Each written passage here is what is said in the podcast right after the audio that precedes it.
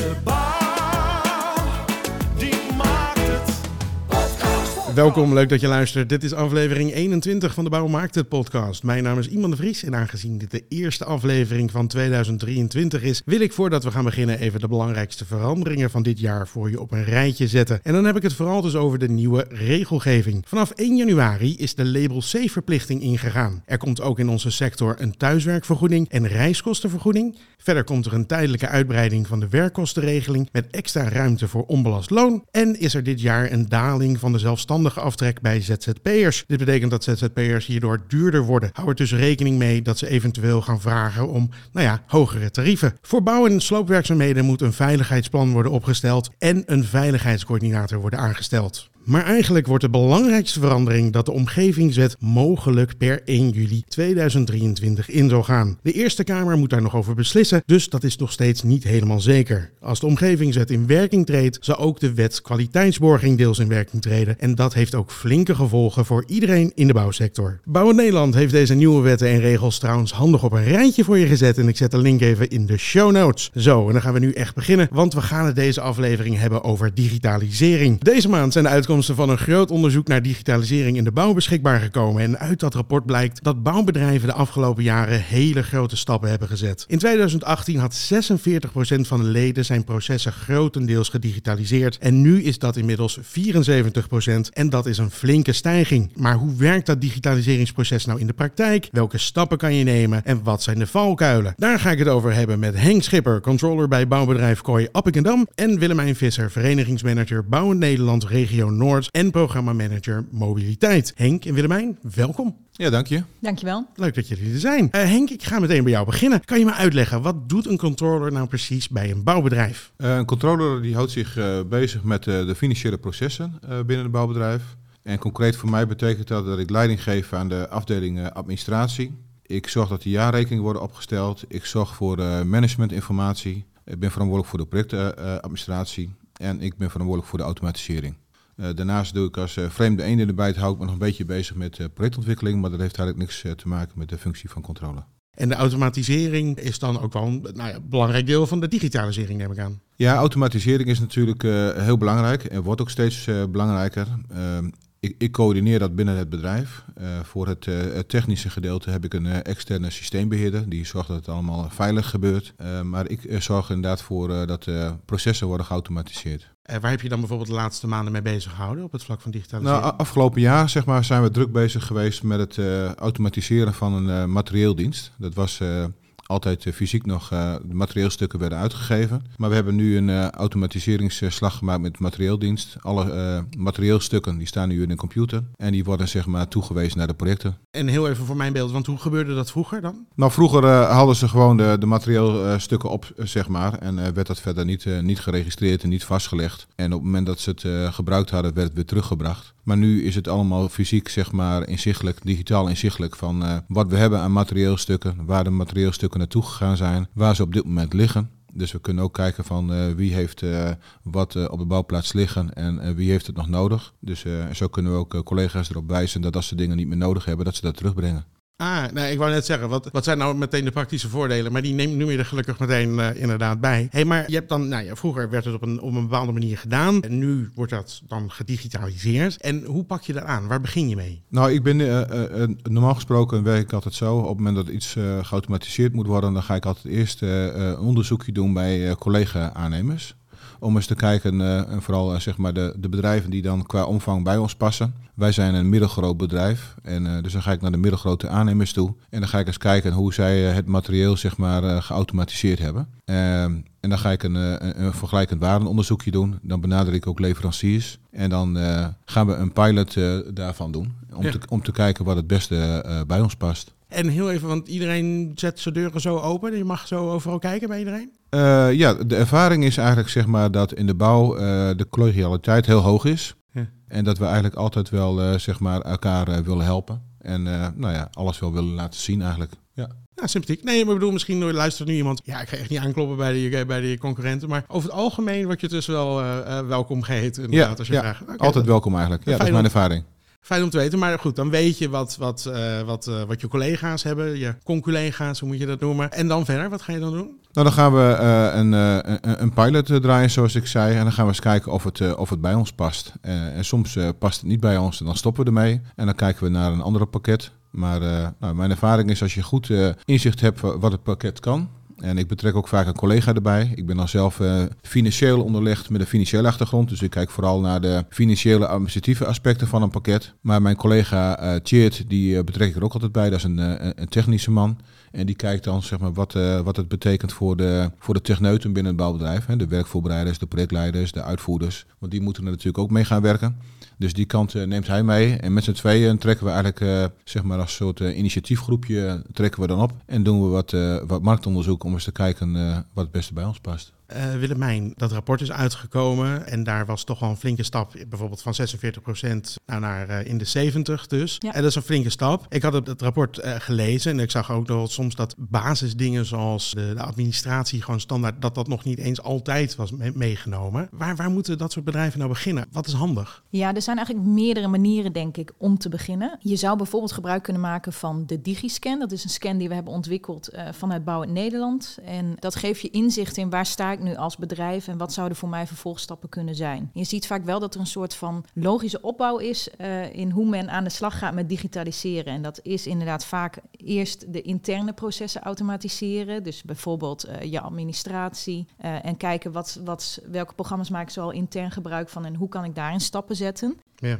En daarna zie je dat men eh, vervolgstappen gaat zetten. En die vervolgstappen, daar zit vaak ook wel een redelijk logische volgorde in. Bijvoorbeeld dat je daarna eigenlijk aan de slag gaat ook met het kijken naar digitale uitwisseling. Dus hoe kan ik omgaan met mijn data en hoe kan ik ook samen met bijvoorbeeld leveranciers of met onderaannemers daar stappen in zetten. En dan zie je vaak als laatste stap dat men echt gaat kijken naar nieuwe technologieën of het toepassen van nieuwe technologieën. Bijvoorbeeld eh, het toepassen van drones voor het doen van metingen. Ja, die zag ik er ook bij staan inderdaad. Ja, dat, daar waren nog niet iedereen was daar. Nee, daar is nog niet iedereen mee bezig. Zeker niet. Nee. Nee. Dus de eerste stap is soms gewoon heel simpel. Hoe kan ik bijvoorbeeld meer papierloos gaan werken? En nou ja, zoals eerder genoemd, die DigiScan kan daar zeker bij helpen om in ieder geval inzicht te krijgen. Ja, precies. En Henk, ik, in dat rapport was ook zo de noodzaak er ook vaak moet zijn. Een soort van, er moet een soort stimulering zijn om je processen te gaan automatiseren of te gaan digitaliseren. Eh, wat was Ja. dat bij jullie? Nou, dat klopt. Eh, Willemijn noemt nu zeg maar eh, de administratie. Wat wij ook de afgelopen jaren, dat is al een paar jaar geleden gedaan hebben, is dat we het digitaal verwerken van inkoopfacturen eh, eh, opgepakt hebben. Dat was, eh, in het verleden was het allemaal nog fysiek. Hè. Er komen 500 eh, facturen per week komen er binnen. Als je dat allemaal handmatig moet doen, kost dat heel veel administratieve kracht. Ja. Nu doen we het allemaal digitaal. En ja, nu kunnen twee mensen, zeg maar, die kunnen in een paar dagen al die facturen verwerken. En dat, en dat is hartstikke mooi. Dat, dat scheelt mankracht. En het is ook efficiënt te werken. En controle op facturenverwerking is ook veel beter. Ja, dus, maar en was dan de noodzaak om eigenlijk te besparen in, in arbeidsloon? Eh, ja, het was eh, het besparen van arbeidsloon. Eh, omdat we zeg maar, met de huidige bezetting de groei van de organisatie niet meer bij konden eh, houden. Zeg maar. Ja. Dus wij zouden anders eh, extra mensen moeten hebben. Dus dat hebben we op deze manier hebben we het opgelost. Plus dat, wat ik al zei, de controles ook veel beter zijn. Want het systeem helpt je zeg maar, ook om controles uit te voeren op de documenten die, die je moet controleren. Nu heb ik zelf ooit in het verleden ook wel wat ervaring gehad met, met, met digitalisering van processen. En mijn ervaring was dat toch wel vaak het de organisatie meenemen in dit proces een struikelblokje is wat dat betreft. Eh, was dat bij jou ook zo? Ja, dat is altijd wel een dingetje. Want je hebt natuurlijk met de bestaande organisatie eh, te maken, waar mensen eh, over het algemeen nou, lang of zeer lang werken. Die zijn natuurlijk gewend om bepaalde, op bepaalde werkwijze te werken. Eh, als dat een verandering met zich meebrengt door eh, digitalisering, ja, dan is toch de houding van, goh, waarom moeten we, moet het anders? Dat werkt er toch allemaal goed de afgelopen twintig jaar. Ja, Waarom moeten we nou anders de zin- de, magische zin, maar we doen het toch altijd zo? Ja, We doen het toch altijd Ja, zo? ja. Dat, ging toch, dat ging toch altijd goed? Waarom moet het nou opeens anders? Dus eh, ja, die mensen heb je. En je hebt ook wel een groep, eh, dat noem ik altijd de kopgroep. Dat zijn de, de jonge, enthousiaste mensen die, eh, die snel in alle veranderingen mee willen. Dus, eh, en daartussenin heb je een, eh, een middengroep, zeg maar, eh, die daartussenin zit. Dus niet, niet echt de kaarttrekkers, maar wel een, een groep die, die snel aansluit. En zo verdeel ik het altijd een beetje in, in drie stukjes. Hè? De, de kopgroep, de middengroep en, en, en een beetje de achterblijvers. En vooral die laatste groep zeg maar, is natuurlijk heel belangrijk om die ook aansluiting te laten houden bij de ontwikkelingen binnen de organisatie. Maar dat kost een beetje meer tijd. Ja. En hoe pak je dat dan aan? Nou, dat eh, doen wij eh, binnen het bedrijf zeg maar gewoon eh, collegiaal. Dus we stoppen daar gewoon wat meer energie in, wat meer begeleiding in. Eh, collega's die al wat verder zijn, die laten we de, de, men- de mensen en de collega's eh, helpen die, eh, nou, die het nog niet zo goed eh, kunnen. Dus je krijgt wat extra ondersteuning van collega's. En eh, op die manier, manier werkt het op zich wel goed. Alleen je moet er wat meer tijd voor hebben en meer geduld. Misschien nog wel een leuke aanvulling. Ook uit het rapport blijkt dus dat succesvolle leden ook aangeven dat commitment van de directie echt heel erg belangrijk is. En dat ze daarin ook echt proberen medewerkers te stimuleren. Er zijn ook wel bedrijven die aangeven dat ze gewoon zwaar inzetten op het aannemen van jongeren met een digitale mindset. Om ook zo die bedrijfscultuur te veranderen. Ja. Dus dat je daar actief over nadenkt als directie zijnde ook. eh, ja, dat ken ik. en, en daar echt ook stappen aan verbindt. Ja, dat is wel cruciaal. Ja, en eh, ik denk ook een verhoging eventueel van het budget richting digitalisering. Dat dat niet hetzelfde blijft. Dat het ook nog wel een... eh, Nee, klopt. Dat wordt natuurlijk ook eh, verhoogd. Hè. Het is, efficiënt. dat is bij jullie ook verhoogd of niet? Dat is bij ons ook verhoogd, Ja. ja. Het is efficiënter werken, maar het is ook ja, doelmatiger werken. betere informatie, betere managementinformatie, betere projectinformatie. Dus, en ook, je ziet ook, projecten worden natuurlijk ook groter en complexer. Daarvoor is het ook belangrijk dat je die automatiseringsslag maakt om inzicht te houden in je, in je projecten en de resultaten van je projecten. Dus dat wordt dan heel overzichtelijk gepresenteerd. En dat is, daar heeft iedereen belang bij. Ja, en ik gok dat die eh, commitment van de directie ook nodig is om die soort van, hé, kijk, dit is belangrijk en daar moeten we dus even iets meer geld naartoe sturen om Ja, op lange klopt. termijn eh, eh, wat slagen te kunnen maken. Klopt, inderdaad. klopt, ja. ja. Oké. Maar en hoe is dit proces bevallen? Viel, viel het je tegen of viel het je mee? Nou, het is me op zich wel meegevallen. Alleen, eh, ja, je, je moet er gewoon heel veel eh, tijd in, eh, in stoppen. En vooral al in die laatste groep, zeg maar. Door continu dingen te herhalen, dingen voor te doen. Mensen mee te nemen in, in de zaken die ze, die ze moeten veranderen. En normaal gesproken houden mensen zich natuurlijk bezig met hun normale werkzaamheden. En zien ze automatisering als iets, iets extra's. Alleen je moet mensen overtuigen dat het, automatisering dat het hun helpt om beter, efficiënter en sneller te werken. Alleen dat zien ze in het begin eh, zien ze dat natuurlijk nog niet, omdat ze dat niet eh, kunnen onderkennen van hey, wat, eh, wat houdt het dan precies in. Ja, en dat, dat, dat, dat duurt soms wel een jaar of twee jaar voordat zeg maar de laatste groep ook aansluiting heeft gevonden. Ja. Maar je moet gewoon daarmee bezig blijven met die mensen. Om, om te zorgen dat de hele groep uiteindelijk overgaat. Maar het is net wat Willemijn zegt. Ja, als je een keuze hebt gemaakt als directie binnen het bedrijf om iets te gaan doen. Ja, dan, dan houdt het in dat iedereen daarin in mee moet. Dus ook mensen die er wat van, verder van afstaan, die moeten ook gewoon mee in dit proces. Ja, dat is heel goed. En wat ga je nou in eh, 2023? eh, hoe ga je dat, wat, wat staat er nog meer op het eh, programma? Ja, we hebben materieel eh, hebben zeg maar eh, min of meer nu afgerond. En we zijn nu bezig om een eh, ja, document management systeem, DMS heet dat dan zo mooi. Maar dat is eigenlijk het, eh, het automatiseren van onze documentenstroom. Dus de interne documenten, maar ook de externe documenten. Daar zijn we nu mee bezig. Daar draaien we nu een eh, pilot voor. Om te zorgen dat wij alle documenten zeg maar, eh, eh, kunnen delen, ook met externe partijen in onze projecten. Dat we een goede eh, beveiliging op onze eh, documenten hebben. En dat we ook een goede, dat vinden we ook belangrijk. eh, we werken met veel versiedocumenten, zoals bijvoorbeeld tekeningen, contracten. En is het heel belangrijk dat, je, dat we allemaal met dezelfde versie werken. Dus als je versie 1 hebt of in versie 2, dan is het de bedoeling dat iedereen met versie 2 werkt. En je moet zien te voorkomen dat er nog mensen met versie 1 werken. Want dan gaat het, dan gaat het niet goed. Dan gaat het toch weer fout. Dan gaat het toch weer fout. Ja. Dus, ja. Ja, en de beveiliging natuurlijk ook. De eerste podcast van De Bouw Maakt Het, die ging over, eh, over beveiliging. Inderdaad, eh, dat eh, van die ransom software die werd gebruikt inderdaad. En die bleef ook nog wel achter. Ik ben benieuwd trouwens of dat, al, of dat verbeterd is, ook inderdaad. Maar dat staat bij jullie ook op de agenda. Dus, ja, zeker. zeker. Ja, beveiliging is heel, heel belangrijk. Klopt. Ja. Willemijn, ik eh wou nog even met jou hebben over het rapport. We hebben nu al een paar dingetjes eruit genoemd. Maar Ja. wat zijn voor jou nou de hoogtepunten uit dat rapport? Nou, ik denk dat het goed is om eerst te benoemen. We hebben dus in 2018 eh, een onderzoek laten uitvoeren, in 2020 en nu opnieuw. En Ja. dat geeft dus ook wel een heel goed beeld van eh, wat voor ontwikkelingen zien we als we kijken naar digitalisering. Daar zijn leden bevraagd, maar ook niet-leden van Bouw in Nederland en andere experts. En wat denk ik echt eh, het meest opvallende is, is dat je eigenlijk zou kunnen zeggen dat de bouwsector, nou ja, die, die rukt op naar de digitale voorhoede. Dus die is echt flinke stappen aan het zetten. En daar zijn we ontzettend blij mee. Dus inmiddels heeft bijna driekwart zijn processen gewoon grotendeels gedigitaliseerd. En eh, voor een sector met toch overwegend MKB-bedrijven is dat gewoon een hele goede prestatie. Ja, want we denken natuurlijk snel aan de, de middelgrote bedrijven. Maar er zijn ook heel veel kleine bedrijven. Zeker. waarvoor dit eh, een flinke investering ook zal zijn. En zeker wat Henk dan net zegt, van nou ja, we deden het er altijd zo, dus waarom zou ik moeten veranderen? Ja. Is het eh, lastig, lijkt me. Ja. Ja, dat is soms best wel ingewikkeld. Wat we daarnaast ook zien is dat eh, men zich ook veel meer bewust wordt van het veranderen van de bedrijfscultuur. Dus dat staat ook duidelijk eh, in het rapport benoemd. En eh, waar eerder echt aangegeven werd dat men het als een belemmering zag, of het gebrek aan standaarden vaak als een belemmering zag, zie je dat dat nu in mindere mate als een belemmering wordt ervaren. En ik heb zelf het idee dat we daarin ook wel terugzien dat we ook landelijk in een aantal programma's participeren. Bijvoorbeeld DSGO, Digitaal Stelsel Gebouwde Omgeving, en Digico. Dat zijn twee landelijke programma's waar we nou, vanuit Bouw in Nederland heel actief in zijn. En uit het onderzoek blijkt ook, en dat eh, wil ik natuurlijk ook graag even benoemen, want daar ben ik heel trots op, dat eh,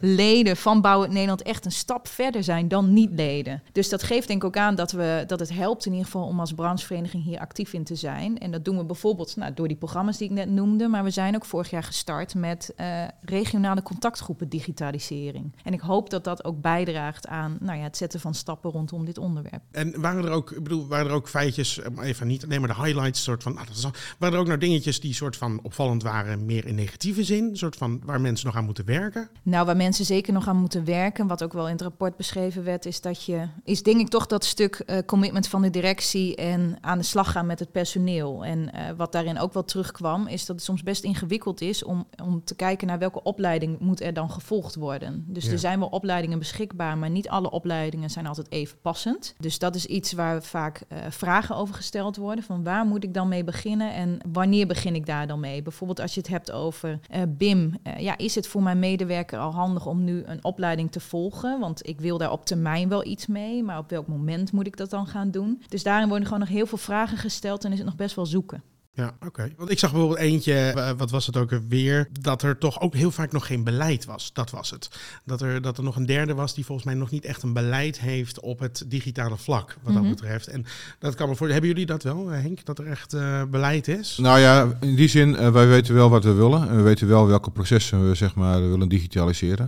En daar zijn we wel heel, heel bewust mee bezig. Ja, precies. Ja, ja. Ja. Maar wat Wildermijn zegt, klopt inderdaad. De directie moet er wel achter staan. En eh, daar moet eigenlijk wel het eh, initiatief, zeg maar, het draagvlak van eh, vandaan komen, zeg maar, om eh, goede processen te digitaliseren en alle mensen mee te krijgen. Ja, stel, we hebben nog die, eh, die, eh, dat bedrijf dat nog niet gedigitaliseerd is. Die misschien zelfs nog eh, alles eh, met pen en papier doet. Laten we even de, de minst digitale vorm pakken die we kunnen verzinnen. Maar dat ze wel denken van ja, we willen het wel. Maar even nog, wat moeten die bedrijven nou doen? Waar moeten ze dan beginnen? Nou, wat ik zou aanraden is dat dat bedrijf begint met kijken naar welke interne processen wil ik dan gaan automatiseren. Dus heb je het dan bijvoorbeeld over facturatie of heb je het over de inkoop? Eh, nou, waar wil ik als eerste mee aan de slag? Vaak is facturatie dan eh, de eerste stap en daar wordt al wel een en ander misschien in digitaal in gedaan of er wordt een Excelletje gebruikt, maar dan kun je vrij makkelijk door een pakket aan te schaffen een stap zetten. En eh, waar we denk ik best wel goed inzicht in geven is wat voor pakketten zijn er dan zoal beschikbaar. Dat zou dan ook de eerste logische stap zijn. Kijken naar nou, welke pakketten komen daarvoor in aanmerking. En op basis daarvan misschien gewoon simpelweg wat gesprekjes voeren met leveranciers. En kijken naar wat voelt goed en wat past. Wat je ook goed zou kunnen doen, en dat gaf Henk ook al aan, is natuurlijk even in gesprek met wat andere eh, bedrijven. En bij hun de vraag stellen van goh, hoe heb jij dat destijds aangepakt? En dat proberen we ook wel heel erg te stimuleren. En daar zijn we ook vanuit de regio's wel echt mee bezig om ook bedrijven aan elkaar te koppelen. Eh, onder andere ook via die contactgroep die we nu eh, opgestart zijn. Om gewoon met elkaar het gesprek te faciliteren, zodat je ook echt van elkaar kan leren. Ja. Dus dat zou ik ook zeker als tip mee willen geven. Eh, Want er is ook laatst een platform gestart, Ja. eh, Beeld. Ja. En, en wa- waar is dat dan voor? Nou, Platform Beeld is eh, een, een initiatief vanuit de regio Noord. En dat is een, een online kennisplatform. En we zijn er eigenlijk als eerste regio mee gestart. Het is een platform voor de gebouwde omgeving om bedrijven in de bouw- en infrasector te helpen bij digitalisering. En het platform gaat door middel van nieuws en kennis en hulp jou als bedrijf op weg helpen. En kan je ook linken aan eh, partners in de regio. En dat is eigenlijk als een soort van verlengstuk van die vele activiteiten die we ook al landelijk ondernemen. Hè, zoals die programma's die ik noemde, de programma DSGO en Digico. En nu willen we echt heel laagdrempelig kennis ontsluiten. En daarin komt dan bijvoorbeeld het onderwijsaanbod samen met eh, aanbieders en leveranciers. eh, komt er allemaal samen binnen het platform. En dit geeft dan ook de kans om heel eenvoudig bijvoorbeeld een vraag te stellen via de chat. En, eh, en dan kun je ook weer van elkaar leren. Kunnen bedrijven onderling op elkaar reageren. Maar het kan ook zijn dat een aanbieder daarop op antwoordt. Ja, Dus het is echt bedoeld om heel laagdrempelig eh, dat contact te faciliteren. Om eigenlijk wat Henk eigenlijk in zijn eentje heeft gedaan, die overal aan de bel is gaan trekken en met mensen in gesprek is, is gegaan, eh, is, is, is dat het ook een beetje, inderdaad. Ja. Dat is ook zeker. En wat ik denk, waar ik ook wel heel sterk in geloof, als je denkt aan een branchevereniging, eh, dan zie je ook wel dat nou, je denk ik ook die digitale omgeving goed moet faciliteren. Dus je hebt organiseert bijvoorbeeld een mooie bijeenkomst over digitalisering. Nou, dan is de energie hoog, maar vervolgens eh, wordt de deur dichtgetrokken en is het is eigenlijk het moment weg. En je wil heel graag ook daar in de tussentijd mee aan de slag, zodat je ook daar tussentijds eigenlijk of zodat je in ieder geval tussentijds ook die momenten met elkaar kan hebben. En dat past denk ik ook wel een beetje in nieuwe verenigingsdenken. Het, het vereniging 3.0. En ook denk ik een manier om in ieder geval jongeren eh, nou, te enthousiasmeren voor ons als branchevereniging. Maar ook om eh, jongeren daarin goed te faciliteren om aan de slag te gaan met het onderwerp. Ja, leuk. Als we nu wel even, want we gaan er heel snel doorheen natuurlijk door de tijd. Uh, dus ik wil eigenlijk het liefst nog heel even afsluiten met wat voor tips hebben we nog meer?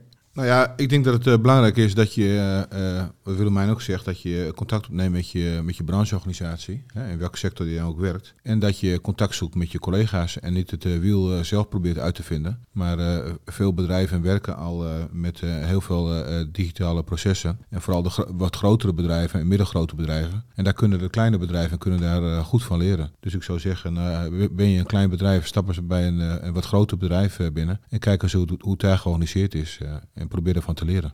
Ja, misschien nog wel een leuk um, uh, voorbeeld. Onlangs um, was ik op bezoek bij Bureau de Haan uit Staphorst, hè, ook een lidbedrijf. En dat was echt een uh, ontzettend inspirerend bezoek. En uh, daar is ook een artikel over geschreven, onlangs in de Cobouw, met als titel Begint de digitale revolutie in Staphorst. Nou, dat bedrijf zit dus in Staphorst. Maar... Um, wat me echt bijgebleven is van het bezoek, is dat uh, zij ook echt kijken naar wat doen andere sectoren op dit gebied. En wat kunnen we ook weer leren van die andere sectoren. En zij hebben bijvoorbeeld, uh, of zij maken bijvoorbeeld gebruik van generative design, dus echt vanuit de game-industrie en passen dat ook weer toe. Waarmee je dus in Google Maps de straten van de toekomst kunt vormgeven en kunt ontwerpen. Dus ze zijn echt heel vergaand bezig met digitalisering. En ook als je kijkt uh, naar de koppeling met industrialisatie, uh, denken zij ook echt na over um, nou, hoe gaat het nou in de auto-industrie, van file to factory. En kunnen we dat misschien ook meer in de bouw doen? En dat zie je ook natuurlijk dat dat steeds meer gebeurt. Dus overal is digitalisering een soort van rode draad. Uh, beginnen mee, omarm het. En dat geeft je ook de kans om stappen te zetten in die andere uh, thema's zoals industrialisatie en robotisering. Dus kijk dan ook goed naar die andere sectoren, wat we daarvan kunnen leren. Ja, klopt twee of drie podcasts geleden heb ik het gehad over de fijn wonen uh, woningfabriek. En dat is natuurlijk uh, dat is, nou ja, wat, daar, wat daar codes zijn moeten geschreven zullen zijn. Dat is uh, niet over na te denken hoe ingewikkeld dat is. Maar ook voor die kleine bedrijven lijkt het me gewoon heel erg fijn dat als je nu nog twijfelt van is digitalisering echt iets voor ons, is dat je gaat je ook gewoon tijd en geld opleveren. Eh, treft ja. ja, en mijn collega zegt altijd, ehm, ga je niet bimmen, dan ga je dood. dat is wel een heftige uitspraak, maar stilstaan is geen optie. Nee. Je moet, en uh, ook als je kijkt naar wet en regelgeving, de mogelijke invoering van de wet kwaliteitsborging, hè, je gaf het ja. al aan aan het begin van de podcast, ook dat betekent dat je digitaal stappen moet ondernemen. Ja, ja klopt. Nou, mooi, dank jullie wel. Uh, uh, fijn dat, dat jullie erover konden vertellen en fijn dat ik hier mocht zijn. We zitten bij jou, Henk, weer thuis, dus dat is heel fijn dat we hier welkom waren. Dankjewel. Ja, gedaan. Wil je nou meer weten over het rapport of platform Beeld of de nieuwe wetten en regels in 2023? Alle links staan in de show notes en de beschrijving dus van de podcast. Uh, ik ga nog een kopje koffie drinken met Bouwend Nederland voorzitter Maxime Verhagen. En daarover gesproken, Maxime gaat 17 maart Bouwend Nederland verlaten. En voor die tijd ga ik nog een hele podcastaflevering met Maxime opnemen om het te hebben over zijn tijd bij Bouwend Nederland. En heb jij nou iets dat je echt wilt weten? Stuur dan een mail naar e.maarsen.bouwendnederland.nl Ook dat mailadres zal ik even in de show notes zetten, want dat uh, onthoud je natuurlijk niet zo. En dan kunnen we die vraag misschien wel stellen tijdens het langere gesprek wat ik dus binnenkort ga voeren met Maxime. Maar nu ga ik nog even langs voor een ouderwets kopje koffie. Koffie met Maxime Verhagen. Zo Maxime, daar zitten we weer. Eerste koffie bij Maxime van het jaar. Ja, inderdaad. En laten we er toch weer een mooi jaar van gaan maken. Maar in ieder geval in het begin nog een aantal podcasts van mij. nou, dat is ook een mooi jaar. Dat maakt ook een mooi jaar. Uh, jij hebt vorige week uh, bij de Infratech heb jij een rapport overhandigd uh, aan Jaap Smit. Ja. Kan je er wat over vertellen? Ja, uh, ik heb dat niet aan Jaap Smit als persoon overhandigd, maar omdat hij uh, als commissaris van de Koning is hij uh, voorzitter van het IPO, dus het Interprovinciaal Overleg. En wij vonden het van belang dat eigenlijk alle provincies op de hoogte raken van dit rapport. Het is dus een, een, een onderzoek geweest wat, wat nu in één provincie is, is gedaan. En een onderzoek en, naar industrieel flexibel en demontabel bouwen. En wij denken dat dat eh, van toepassing kan zijn in heel Nederland, dus bij alle provincies en gemeenten die binnenkort voor een ja, enorme opgave staan aan vervanging van, eh, van kunstwerken, dus bruggen, viaducten, duikers eh, en, en dergelijke. En wat we met dat industrieel flexibel en demontabel bouwen willen, Ja. Eh, dus IFD. Het is een, eh, eh, wel een hele mooie combinatie van lastige woorden achter elkaar. Ja, ja, ja, ja. Maar dan willen we eigenlijk, eigenlijk sneller, ehm, eh, efficiënter bouwen, met, met, met name circulair, dus ook circulair ontwerpen. Ja. Wat dus enorme ja, maatschappelijke baten met zich oplevert. Maar tegelijkertijd een, een, een, een- toegevoegd positief element is, is dat we daardoor veel minder hinder opleveren doordat je gebruik maakt van de gestandardiseerde brugelementen. Dus je, je levert eh, ja, eh, uiteindelijk niet alleen eh, lever je een, een, een- een bijdrage aan de noodzaak om circulair te gaan bouwen, dus minder grondstoffen te gebruiken, eh, hergebruik van materiëlen, maar tegelijkertijd eh, hebben we nogal wat maatschappelijke baten eh, als gevolg van efficiënter bouwen en als gevolg van het eh, veroorzaken van minder hinder. Nou, en eigenlijk hebben we bedacht van jongens, dit kun je veel meer eh, gaan toepassen. Als je bedenkt, we hebben, eh, als je het totaal overziet eigenlijk van, van eh, opdrachten die we, moeten komen, die we moeten komen te vervullen in de komende jaren, dan hebben we het over zo'n 9 miljard aan renovatieopgaven van, van kunstwerken. Ja. Nou, en dit zou je ongeveer bij een derde, dus zo'n 3 miljard van de totale opgave in de komende jaren, zou je dit kunnen toepassen. Dus dat, dat is toch wel nuttig om, eh, om eigen- eigenlijk meer dan alleen in Noord-Holland eh, te gaan eh, toepassen. Dat klinkt eh, inderdaad, tenminste voor mij, eh, wat, wat ik het nu zo hoor, klinkt dat inderdaad heel erg nuttig. En wat is het belang van Bouw Nederland om dat te doen? Nou ja, kijk, ik denk dat het ehm, van belang is omdat het... eh, kijk, om, om te beginnen is het ook in ons belang om zo min mogelijk hinder natuurlijk voor de omgeving te veroorzaken. Want daardoor krijg je ook draagvlak om, om, om bouwactiviteiten te blijven doen. Hè. Op het moment dat, dat, dat, maatschappelijk draagvlak eigenlijk wegvalt... Ja, daar hebben we ook als, als bouwonderneming hebben we er last van. Twee, ehm, eh, worden we natuurlijk ook steeds meer aangesproken op de noodzaak om circulair te bouwen. En drie is het zo dat eh, wil je dit kunnen doen, er eh, toch een, een, een hele goede samenwerking moet komen tussen decentrale overheden. Eh, en decentrale overheden en, eh, en, en eh, ondernemers en, en bouwondernemingen. Nou, om dat, te, om dat te bewerkstelligen, moet je dus ook als brancheorganisatie daarvoor lobbyen. Tuurlijk vraagt dit ook innovatief vermogen van, van de markt. En we vragen ook iets van, van, van de overheid zelf. Want ehm, als je eigenlijk naar die totale opgave kijkt, ehm, dan moet je toch constateren dat het huidige beschikbare budget te weinig is. Eh, dus wij vragen uiteindelijk ook meer geld om de renovatieopgave van alle kunstwerken in de komende tijd te kunnen voldoen. Ja, en om dit dan mee te nemen. En om dit mee te nemen, omdat dan daar ook de overheid weer extra voordeel bij heeft. Hè. Wij vragen niet alleen meer geld, maar wij leveren meer circulariteit en minder hinder. Dus dat is een, een, een win-win situatie dan. Daar is iedereen gelukkig. Ja, dat is Ja. heel goed. Oké, nou, dat is heel fijn. Oké, eh, dankjewel voor de uitleg. En ehm, we gaan nog door eh, voor de volgende keer voor een paar kopjes koffie nog, inderdaad. Eh dankjewel. Oké, graag gedaan en tot de volgende keer. Tot de volgende keer. En wil je nou geen aflevering missen? Vergeet dan niet op de Spotify-knop eh volgknop te drukken of bij Apple Podcast op de abonneerknop te drukken. En zoals altijd, bedankt voor het luisteren. Tot de volgende keer en tot over twee weken. De